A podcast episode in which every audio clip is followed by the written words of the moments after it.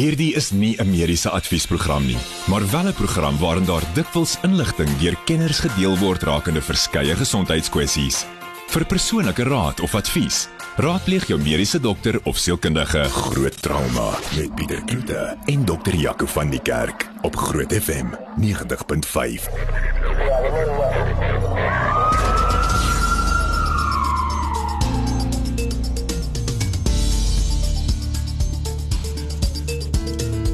Baie welkom by Groot Drama vanaand. Ek is Pieter Kloete saam met Dr. Jaco van die Kerk soos altyd. Hy is 'n uh, direkteur by Montana Med se trauma eenheid en het ook sy praktyk. Jaco, baie welkom. Goeienaand Pieter, goeienaand almal by die huis. Ons begin sommer met so 'n paar nuusstories uh, wat die afgelope week nuus gemaak het. Um, ek meen ons kan ongelukkig nou nie wegskram van COVID nie. So kom ons maak sommer maar gou vanaand klaar met COVID voor ons aangaan. Mense reken die derde vlak, uh wel volgens dokter Willem Kiese gaan die derde vlak hulle nie om kant betrap nie, maar baie reken 15 Mei. Dis die datum. ek wonder wat is die magiese um mag agter die 15 Mei. Ehm um, ons weet almal 'n derde vlak en ons kry ek self het vanoggend 'n boodskap gekry op my foon van van Empath af wat 'n pasiënt getoets is um in my praktyk wat weer positief getoets het. En dis 'n ding wat lank nie gebeur het nie. So ons sien al hoe meer en meer um dat daar wel gevalle is wat wat nou weer positief toets veral in ons omgewing. En ehm um, dis eintlik so half 'n gegeewe dat ons 'n derde vlak gaan kry, maar ek dink ons het seker nou al of ons is facefoos of ons weet al hoe om dit te hanteer. Maar ek dink nie ons is meer so skrikkerig soos daai eerste en tweede keer nie. Ja. En ek dink ook eh, en ek praat nou van 'n leekse perspektief of jy moet nou vir my reg help of nie, maar ek meen die Suid-Afrikaanse Nasionale Bloeddiens het ook ehm um, die bloed wat geskenk was ehm um, oor kom ons sê 3 maande ehm um, aan die begin van hierdie jaar getoets uh, vir antiliggame en hulle reken dat baie meer Suid-Afrikaners al reeds COVID gehad het as mense nou so kyk na die na die ehm um, na die uitslae wat hulle gekry het ja. as wat nou sê maar byvoorbeeld nou net die 1.5 miljoen wat nou letterlik net geregistreer is as wat wat die regering weet ja. het gehad. So uh, is dit veilig vir my om te sê dat as ek nou maar so as 'n leek praat dat ten minste halfte van 3 kwart van Suid-Afrika mense moes nou reeds seker COVID al, al gehad het of jy dit nou weet of nie. Is definitief. Ehm um, Pieter, dit is ehm um, een van daai goed as jy nie sleg siek word nie, gaan jy nie hospitaal toe of dokter toe gaan nie, nê. As hmm. jy jou neus loop en jy het 'n bietjie keelseer so vir 'n dag of 3, ehm um, en dit word beter, dan gaan jy definitief nie iemand sien daarvoor nie. En dit is hoe baie van die mense presenteer dit, is met 'n ligte ehm uh, boonslugweg infeksie simptome en um, dan het hulle nie dokter toe gaan nie en hulle is uit die aard van die saak nie getoets nie. So die groot ding is hulle gaan antiliggame maak, maar die vraag is hoe lank hou daai antiliggame en dan die ander vraag is as daar weer 'n mutasie op die op die virus plaasvind, ehm um, gaan hulle nog steeds beskerming hê op die antiliggame wat hulle het. Daai is ook 'n vraag en ek dink ehm um, ons het gesien in die eerste en die tweede vlaag dat mense weer siek kan word. Ehm um, ons het mense definitief twee keer opgeneem, ehm um, veral in die hospitaal waar ek werk. Is al 'n paar voorbeelde van mense wat wat regtig die eerste en die tweede keer sleg siek geword het. So ek dink ehm um, ook nie mense met die vals ek wil amper sê gerusheid hê dat as jy dalk antiliggame het dat jy dit nie weer kan kry nie. En dan net nog twee stories oor COVID. Uh, die eerste ene, ehm um, vroue wat swanger is of borsvoed, daar's nou 'n vraag wat hang of moet hulle nou geïnent word of moet hulle nie ingeënt word nie. Pieter swanger vrouens is altyd en en en borsvoeding tot 'n mindere mate, maar maar ook tog is altyd 'n moeilike kwessie. Ehm um, jy kan nie navorsing doen of goeie navorsing doen op swanger vrouens of borsvoedende vrouens nie want daar's 'n klomp etiese aspekte by betrokke waarna mens gaan moet kyk. Jy kan nie 'n groep pa pasiënte vat wat almal swanger is en die helfte kry iets en die ander helfte kry nie iets nie en sê nou daar is 'n komplikasie. Mm. Dan sê jy nou net vir die helfte wat dit nou die goed gekry het, sorry, julle is nou die die unlucky ones, kan ek amper sê. So jy kan dit nie doen nie, dis nie eties reg om dit te doen nie en omdat dit so 'n moeilike etiese dilemma is, ehm um, word daar nie groot medisyne studies op swanger vrouens gedoen nie en ek dink daar's nie genoeg data om te sê is hierdie um, inentings veilig vir swanger vrouens of borsvoedende vrouens nie. Ehm um, ek dink dit is nog steeds so vroeg in die in die ontwikkeling van hierdie enstowwe. Ehm um, uit die aard van die saak gaan sommige mense vra daarvoor en 'n mens sal sien wat dit oor tyd doen, maar ehm um, tot op hede dink ek is daar nie genoeg data om te sê hulle moet dit vat nie. En dan net die laaste punt dit kom nou by by COVID vir ons aanbeweeg na ander nuus stories toe is ehm um, Indië uh, word nou weer swaar uh gelas met met hmm. COVID-19. Ons weet nou nie wat nou hulle derde of vierde vlaag is nie, maar ja. ek meen al reeds 200 000 mense is nou oorlede met dit 'n uh, suurstoftekort. Ehm um, is dit maar net weer die nuwe variant? Dink jy Suid-Afrika kan ook dan so lyk ehm um, of is ons reg? Pieter, ek is versigtig om te sê ons is reg. Ehm um, alles word baie swaar geslaan. Ek dink waarskynlik is daar 'n nuwe variant. 'n Virus gaan nie stil staan. Um, en dieselfde bly jaar in en jaar uit nie. Anders gaan virusse uitsterf. So die virusse ontwikkel ook omdat hulle agterkom. 'n Virus en 'n bakterie is 'n slim ding, maar die virusse ontwikkel ook as hulle sien wat ons doen teen hom. Um om dan om hierdie skanse van ons te kom en om nog steeds siek te maak en nog steeds selle te penetreer, nog steeds mense aan te tas.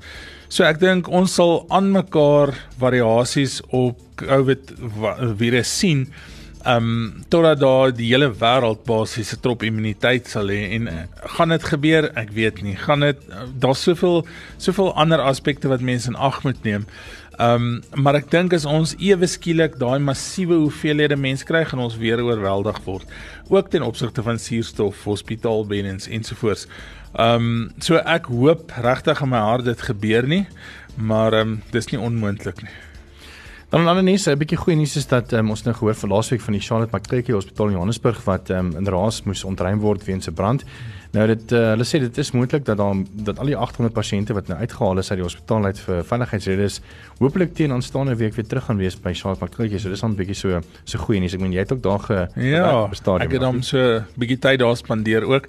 En dis ongelooflike goeie nuus wat ek wel ook deur die week gelees het en opsigte van Charlotte Mackenzie is dat ehm, 'n um, deel van die brandarea was ook die onkologie area of daar waar um, bestralingsmaandelings vir kankerpasiënte gedoen word.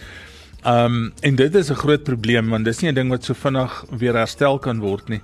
En ek dink um hulle het op daai stadium gevra of daar nie uh jy weet onderlinge samewerking kan wees tussen die privaat sektor en dan die staatssektor nie want meeste van daai pasiënte moet nou eintlik Pretoria toe gebring word na uh, Steve Biko Akademiese Hospitaal toe omdat dit eintlik maar net groot sentrums is wat kankerbehandeling kan gee en Steve Biko die arts in saak sal klaar onderdruk met die hoeveelheid pasiënte wat daar opdaag.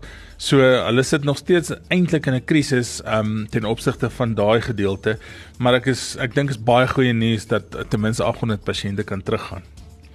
En dan Jacques, jy was ook 'n intern gewees toe jy weet jare terug, né? Ehm um, daai nog my jonke mooi was. ja. Toe um, wel mediese studente van die twee militêre hospitaal in Wynberg het nou gekla want hulle het nou al reeds vir 4 maande nie 'n salaris gekry nie. Ehm um, hoekom dit gebeur weet ek nou nie, maar ek meen intern kan ons dan nie verniet werk nie. Ek meen kan jy jouself indink toe jy intern was het jy geld gekry nie? Pieter, dis 'n ongelooflike groot probleem en 'n massiewe frustrasie.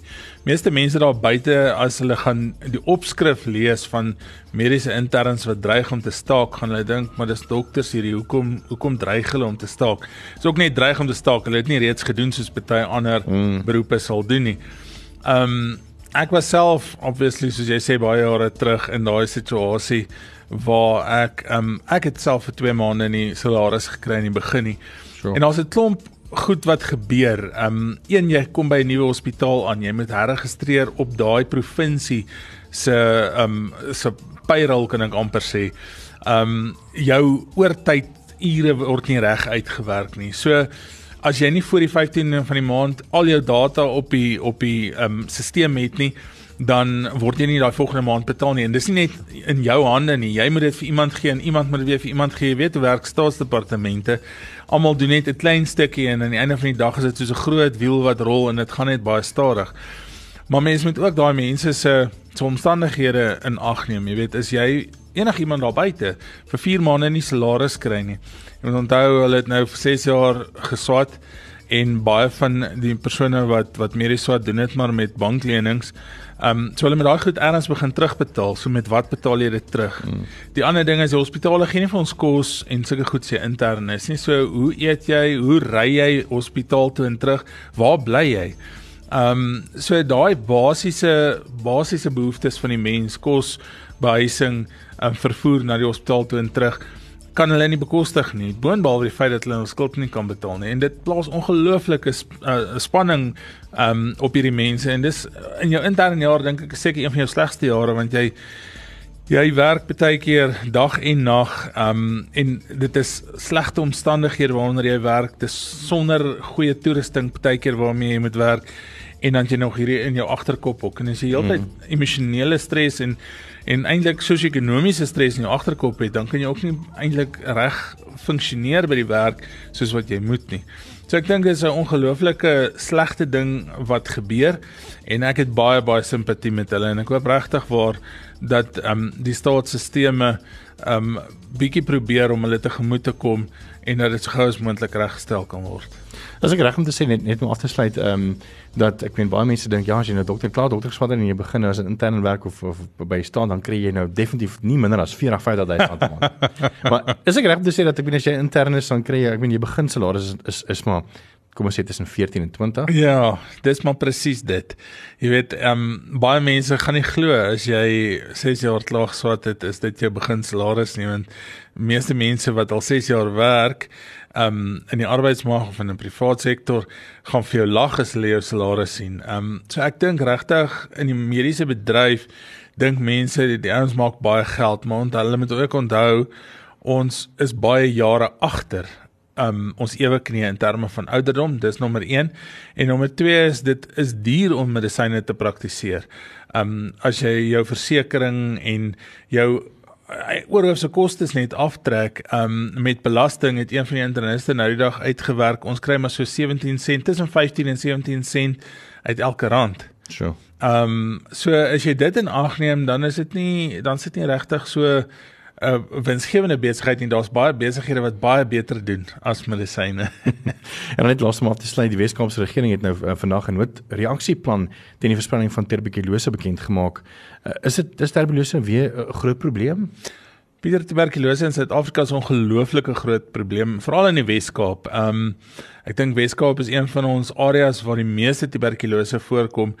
En as mense na die artikel gaan kyk, ehm um, in die wat wat in die Karl Karl Bremer Hospitaal in in Bellville ehm um, ge, geloods is, dan sê hulle daar het 58000 mense ehm um, in Suid-Afrika net in 2019 aan tuberkulose gesterf.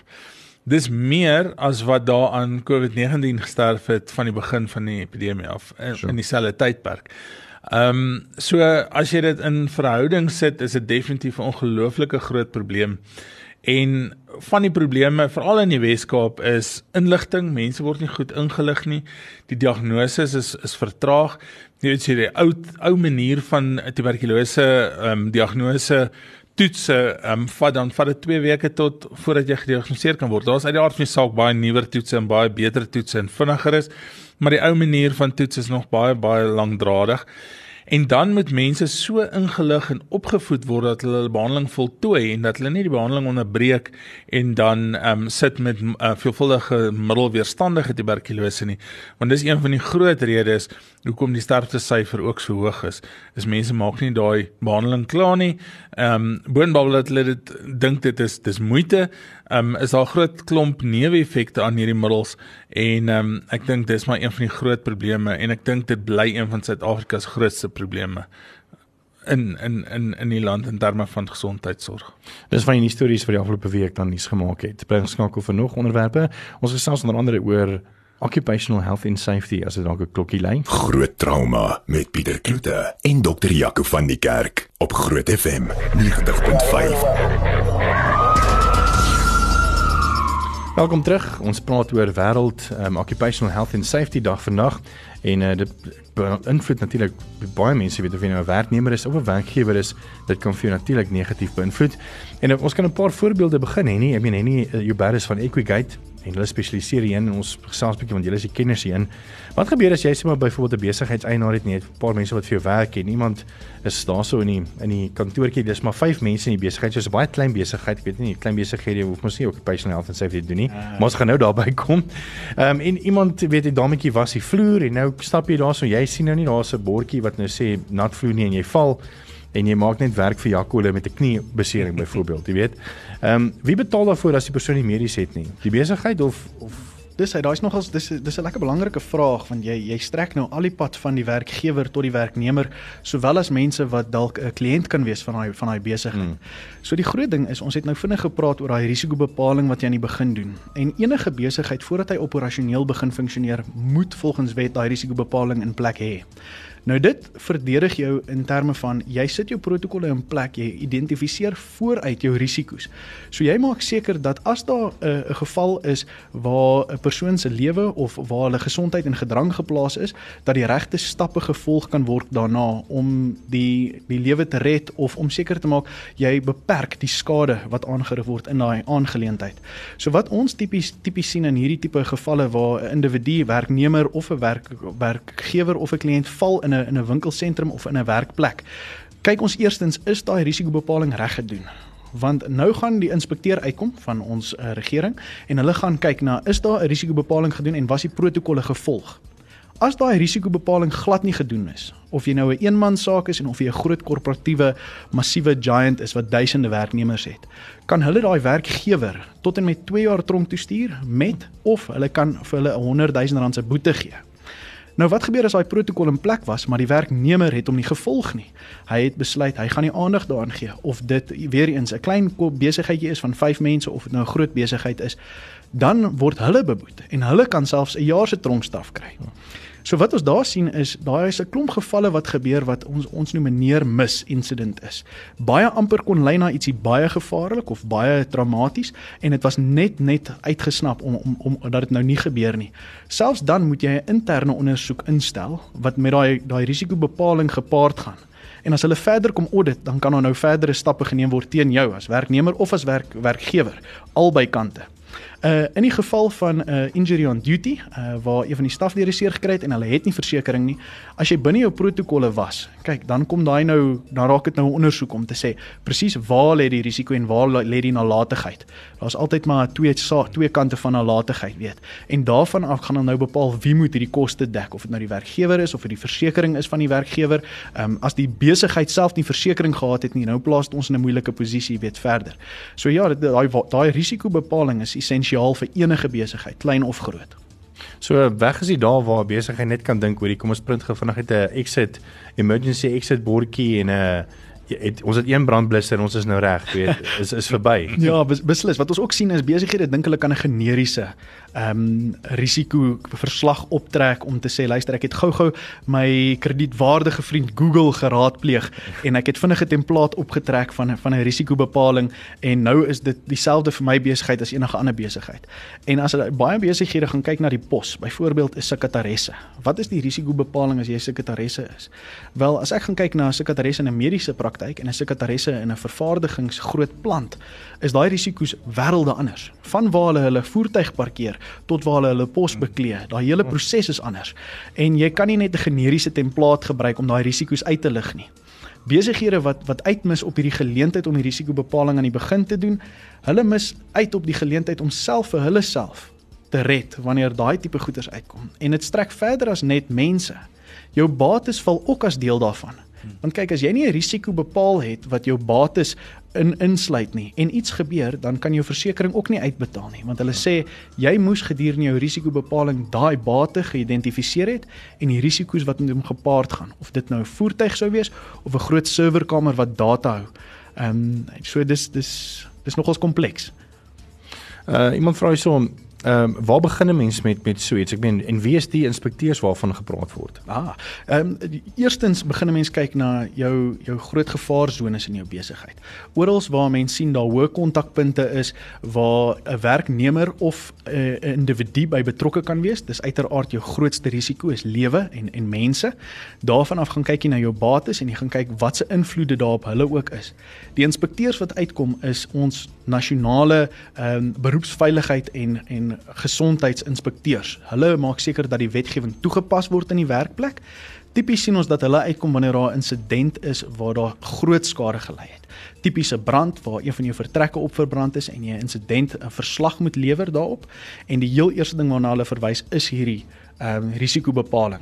Daai risikobepaling kan strek afhangend van hoe groot jou besigheid is. Kan dit 'n groot lywige 100 plus bladsy dokument wees? En as jy klein besigheid het, byvoorbeeld 'n verwer wat net 'n hy is 'n eenman saak, hy gaan uit en hy verf 'n kompleks en dis al wat hy doen vir 'n werk, uh sy risiko's gaan uiteraard baie minder wees en hy gaan 'n baie korter dokument bymekaar kan stel. En dit hoef nie noodwendig 'n duur proses te wees nie. Uh dit kan 'n baie goedkoop proses wees waar jy dit intern doen, jy jou risiko self bepaal en 'n dokument bymekaar stel, maar maak net seker jy ten minste iets in plek. As jy niks in plek het en hulle kom en hulle doen daai insidentverslag, dan is jy in groot moeilikheid. Maar as jy jou beste gedoen het tot en met daai punt, veral vir jou klein besighede, kry dit net in plek, hou dit op leer en wanneer iets gebeur, weet jy jy het jouself gerigsteen. So dis nie net regtig as as ek nou reg kan verstaan, dis nie net regtig vir die inspekteur nie. Jy doen dit net maar vir jouself en jou eie veiligheid vir jou werknemers en natuurlik om seker te maak dat as jy versekerings het dat die versekerings wel uitbetaal want alles van jou kant af is in plek. Net so. Dat hulle nie nou gaan soek vir daai daai grys area en vir jou sê ja, maar jy het nou nie dit gedoen nie. So ons gaan nie uitbetaal nie. Jy weet mos daai klein skrif in, in versekerings. Dis presies. Jakob, wat is van die occupational health and safety insidente wat jy nog gesien het in 'n trauma eenheid? Pieter, ek kan begin deur te sê ons kry gewoonlik die pasiënt of die die werkgewer, werknemer en of kliënt as die probleem klaar gebeur het. Um en by besering aan diens is 'n groot krisis um die papierwerke altyd. En veral in die begin van 'n trauma eenheid. Dit was altyd net die die vorms wat ingevul moes word en dit moes geteken word en die detail moes reg gedoen word. Deesdae sukkel die um ongevalle kommissaris om uit te betaal as jy nie jou payslip daar het nie. Jou identiteitsdokument moet oorspronklik daar gelewer word nie. Um en dan moet jy nog iemand kry wat daai payslip en en en identiteitsdokument beëdig ook. So dit raak 'n ongelooflike administratiewe probleem. En dit maak baie keer dat mense lank lê voordat hulle regtig um gehelp kan word, jy weet. Um jy kan vir iemand so lank pyn goed gee en jy kan dalk die ergste wond druk op toepas en daar's nie bloeding nie. Maar um jy kan nie jy kan nie aangaan en regtig tersiêre sorg vir daai pers persoon gee nie. Um as ons kyk na die tipes goed wat ons kry is maar die fisiese goed. Um dis ook deesdae um die die biologiese goed soos wat COVID-19 wat ons nou oor gepraat het. Um daar's chemiese beserings met ander woorde en dis dis goed soos um, ek weet hier in die noorde van Pretoria is daar 'n is daar 'n ek wil net amper dit 'n fabriek noem maar dit voel soos 'n fabriek maar dis dis hoendertjies wat hulle inent en ek moet sê ons hospitaal dink ek is die naaste daaraan want ons kry daagliks mense wat deur hierdie hoendertjies die inentings doen in hulle vingers in. Ag nee. Jy weet en daai vingertjies swel op dit lyk soos globes. So ehm um, jy, jy kry hierdie chemiese goed En dan ehm um, kry jy ook psigologiese probleme. Mense wat jy kom sien as 'n besering aan diens.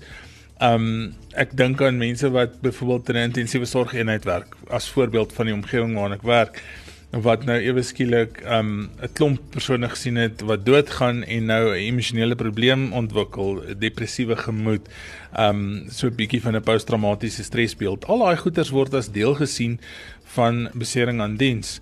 Um, en en dis so wyd dat jou papierwerke moet reg wees. Al jou prosesse soos wat hy sê moet reg wees. Anderster gaan daar eers 'n loophole wees waar die ongevalkommissaris sê hulle gaan nie vir jou betaal nie. Michelle, you work daily with um, occupational health and safety issues um, at at Equicate, and you specialize in this. Um, what Jaco just said now almost shocked me. I mean, I didn't know that emotional um, well-being also counts, uh, you know, under your Occupational Health and Safety Act. I mean, uh, what do businesses need to know about that? Uh, the psychological aspect of occupational health and safety is one of the most critical aspects because it leads into behavior based safety. And even if you implement a risk assessment correctly in the business, if the psychological aspects are not correctly addressed, it'll lead to um, unnecessary accidents that could have been prevented by just simply paying attention to the team morale in the business. And how often does this happen that you know business owners come to you, obviously afterwards crying on your shoulder? I mean, then there's nothing that an occupational health and safety officer can do, right? Um, or is there light in the end of the tunnel? There is always light at the end of the tunnel, but if your occupational health and safety is reactive based, then usually it's a much bigger mess to try and get out of. That's why having a proactive baseline risk assessment, which is the biggest form of a risk assessment you can have in the workplace, is so critical because that'll save you so much cost, so much paperwork. It'll um, prevent incidents that could have been, um, well, it could have been uh, fatal for mm. employees or even clients. So I, am wrong if I'm saying that you know you're either being reactive to your occupational health and safety or have a good lawyer. but obviously you have to be, you know, proactive. Yeah. that will save you a lot of money, right? Yes. By being proactive you can actually save costs on a good lawyer as well. um, someone else asked you, um, how do I claim for occupational um, injury on duty? Um, is, is, it like you know? Do you go to the Department of Labor? Um, how do, how do you uh, get in touch with someone from the government to do this whole process of investigation? There's several aspects you can go to. You can go to the CCMA if you feel that you are exposed to unnecessary risk at the workplace that's not being paid attention to, then obviously you notify your employer to say that I refuse to work because of these risks that are not identified or um, addressed, then you go to the CCMA. Otherwise, you can also go to either, depending on the risk you're exposed to, the Department of Labour or the Department of Health. Great.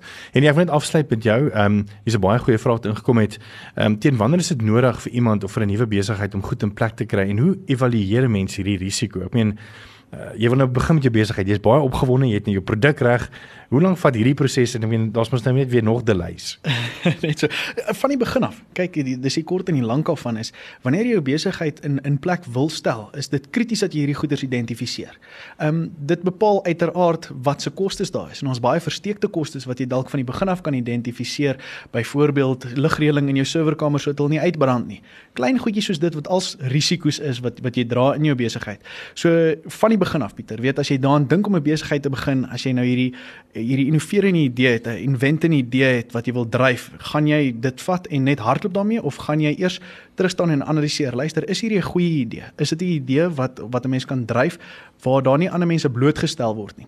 So dit, van die begin af, as jy as jy nog dink aan om 'n besigheid te begin, begin analiseer waar lê jou risiko's, wat is jou teikenmarkte waartoe jy gaan en hoe gaan jy hulle nader? Weet, wat is jou plan? Gaan jy nou 'n winkelfront hê waar mense inkom en jy het nou voete wat deur jou deur gaan of is dit 'n aanlyn winkel waar jou risiko's uiteraard nou nie daai kontak is nie.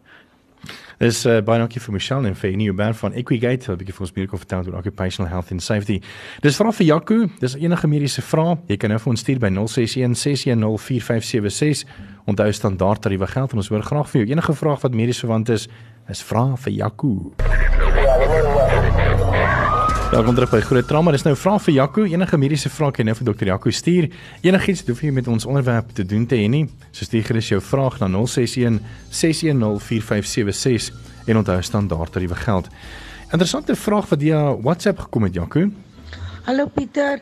Ek wil net graag hoor of dokter Jaco hulle 'n um, erge maag virus um storie onder kinders ondervind. Um my kleinkind was nou onlangs rarig baie siek daarvan. Ons moes hom eintlik vir COVID gaan toets. Hy was gelukkig negatief. Ehm um, en ons het uitgevind dat een van die kinders in sy klas ehm um, was 'n week terwyl hulle eksamen geskryf het, klas toe gekom met die maagvirus en dan net weer huis toe gegaan en nou is nog twee maatjies van hom siek. So ek wil maar net weet of loop weet hulle van so groot virus wat rondloop. Lekker aand, Noekie. Dankie Noekie. Ek weet, kasterolie nee ja. Dan vererger jy die probleem Pieter. nee, gas definitief. Ehm um, Noekie, daar's daar's eintlik nie net vir kinders nie, daar's vir volwassenes ook. Ehm um, 'n redelike groot maagaandoenings bakterie eintlik en virus afhangend van jou ouderdom. Daar's 'n klomp Escherichia coli of E. coli in die in die volwassenes en die rotavirus bly maar by die kinders ehm um, van toepassing. Die groot probleem met die kinders is en dis hoekom mense hulle maar moet invat is kinders dehydreer baie vinnig en dan sit jy met baie groot probleme. Ek dink een van die grootste oorsake vir dood in kinders onder ouderdom van 5 is dehydrasie en dit bly nog so in hierdie ontwikkelende lande waarin ons is. Maar daar's definitief 'n um, groot groot gastroenteritis beeld wat ons nou in die omgewing sien.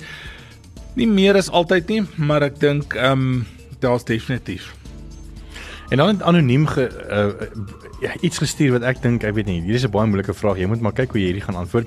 Maar dit is in Engels, ek gaan sommer vir jou lees. Can I be fat and healthy? Experts aren't sure. One study said heavier people may outlive lighter folks, but most research shows that those who carry extra pounds are more likely to get heart disease, cancer, or die before thinner folks. Your best bet, do what you can to get healthy, stay active every day and eat a balanced diet. Lose some weight if you need to. So kan ek vet wees en nog steeds gesond wees? Is die vraag. ek kan amper net lag, Pieter. Ehm um, die groot ding is dit is so dat as jy oorgewig is, gaan jy hipertensie, cholesterol, diabetes, die hele metabooliese sindroom kry.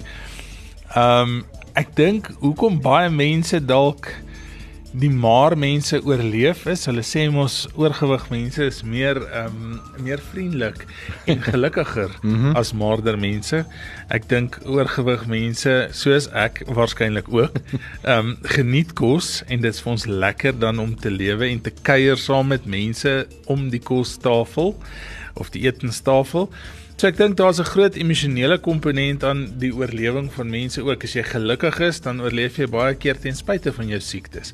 Um ek wil nie sê dat um mense oorgewig moet bly nie, maar ek dink definitief daar's um daar's 'n groot groot persentasie van mense wat wel oorgewig is en nie noodwendig um mediese komplikasies kry nie. Um ja, maar dit kan ons almal nou nie oorredig sê nie. So ek sal maar eerder sê gaan oefen, het op eet 'n gebalanseerde dieet en ehm um, probeer gewig verloor en probeer dan nou maar nog vriendelik en gelukkig ook wees. Maar hier is 'n baie interessante vraag uh, van iemand wat ook vra, ehm um, ek het onlangs begin draf en ek kan voel dat my spiere baie styf en seer is. Is dit omdat die spiere skeer of hoekom is mense spiere seer as 'n mens klaar gedraf vir die volgende dag byvoorbeeld? Pieter, as 'n mens um oefen, dan begin jy met aerobiese metabolisme. Met ander woorde, jy gebruik suurstof vir die vir die spiere om te werk en uit die aard van die saak as jy nou nie super fiks is nie, dan um begin jou spiere in anaerobiese metabolisme gaan. Met ander woorde, dan begin jy energie produseer deur die spier, maar dis in die afwesigheid van suurstof of in 'n suurstoftekort en die produk van anaerobe metabolisme is melksuur. So aan die einde van die dag is dit melksuur of laktaat wat opbou in die spier en dis wat vir jou seer maak. En dis ook hoekom baie mense sal vir jou sê as jy nou die dag geoefen het en die volgende dag as jy seer en styf is die beste manier om daai seer en styf uit te kry is om weer te gaan oefen. Um net om daai melksure van ons laat raak en daai aerobiese metabolisme en daai aerobiese kapasiteit wat jy het te verbeter oor tyd. Dit maak sin. Uh, ek dink ons het in biologie in skool nogal geleer oor melk, melksure. Melksure, ja, sê. Is is melksure, ek meen jy weet nou dokters sê wat ook nou operasies doen. Is melksure soos wat die naam sê, melksure, is dit wit? Of is dit nee dit is dis nie wit nie dit en en ek dink nie is 'n sigbaar nie dit is 'n mikroskopiese ding dis dis vog. Ehm um, so ek dit dis dis eintlik seker 'n misnomer maar dis 'n dis definitief 'n mooi naam om daarvoor te gee. En dan ons laaste vraag vanaand is um, iemand vra so en ek dink dit is nog 'n baie interessante vraag want ek wil ook graag weet. Mense praat van shin splints. Wat is dit? Of shins, ek weet nie ek kan nie lekker uitmaak wat die persoon gesê het. Dis wanneer hierdie mense gaan gaan draf en dan hierdie onderbene en die voorkant van die onderbene wat so kwaai pyn um direk na die draf of die volgende dag. En baie keer gaan dit daaroor jou jou onderbeen is in kompartemente verdeel. 'n Spierkompartement. Het 'n voorste een, 'n agterste een en dan 'n lateraal of aan die kant 'n spierkompartement. Nou, jou spiere is binne in hierdie kompartement en die kompartement bestaan eintlik uit bindweefsel of 'n sening laag wat nie regtig kan strek en rek nie.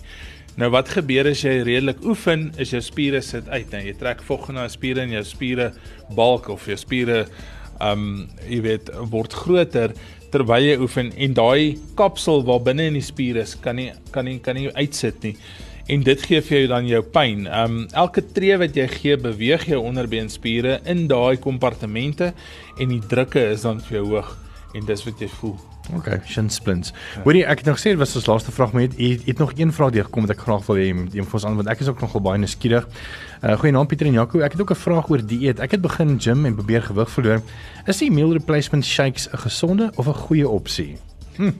Dis 'n moeilike vraag. Ja, dis 'n moeilike vraag. Ja, dit dit kan 'n goeie opsie wees. Meeste van die meal replacement shakes is 'n protein shake. As jy goeie nierfunksie het, nie lewerprobleme of nierprobleme nie, dan kan dit nie 'n probleem wees regtig nie. Jy het proteïen nodig in die vorm van aminosure om um, nuwe spier te bou ook. Ehm um, maar 'n mens moet seker maak dat jou nierfunksie en lewerfunksie nie sleg is nie. Ehm um, en dat jy nie enige of stimulante ook in hierdie meal replacement ehm um, kry nie. Baie baie van die produkte op die mark sê dis net 'n meal replacement, maar dit's 'n bietjie van 'n stimulant effek by. Ehm um, en dit as sulks is nie gesond nie. En dan die ander ding is vir alles 'n mens begin oefen en jy doen 'n die dieet ook en jy begin albei gelyk. Jy weet ek sê altyd vir mense jy moet nooit op 'n maandag begin met 'n die dieet nie want maandag wil almal oefen en en dieet. En dinsdag is jy seer van die oefening en jy's honger. Mm. En woensdag is jy nog seerder van die oefening van maandag en jy's nog hongerder. So die eerste ding wat gaan is jy gaan woensdag aand of donderdag nie oefen nie. Vrydag, Saterdag en Sondag gaan jy lekker braai en dan maandag begin jy weer.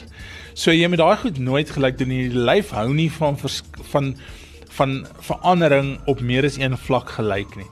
Ehm um, so as jy die meal replacement gebruik, moenie nou kos gaan daarmee saam eet. Mm. Ek weet 'n mens gaan gewoond wees en jy gaan honger raak ten spyte van daai meal replacement. Ehm um, so as mense die die die maaltyd ehm um, replacement gebruik, ehm um, doen net dit, maar eers nadat jy seker gemaak het jy het nie ander metabooliese siekte nie. Dis vra vir Jaco en dit is dan ook 'n groot drama vir vanaand. Dankie vir almal wat saam geluister het. Ons maak vir jou so volgende week Woensdag aand. Groot FM 90.5. Jou grootste FM in Pretoria.